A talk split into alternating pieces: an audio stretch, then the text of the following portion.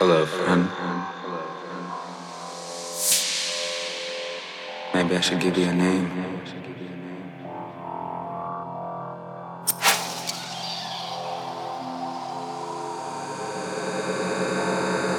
That's a slippery slope. You're only in my head. I have to remember that. Shit. It's actually happening. I'm talking to an imaginary person. What I'm about to tell you is top secret. Conspiracy bigger than all of us. There's a powerful group of people out there that are seek top 1%, the top 1%, the guys that play God without permission.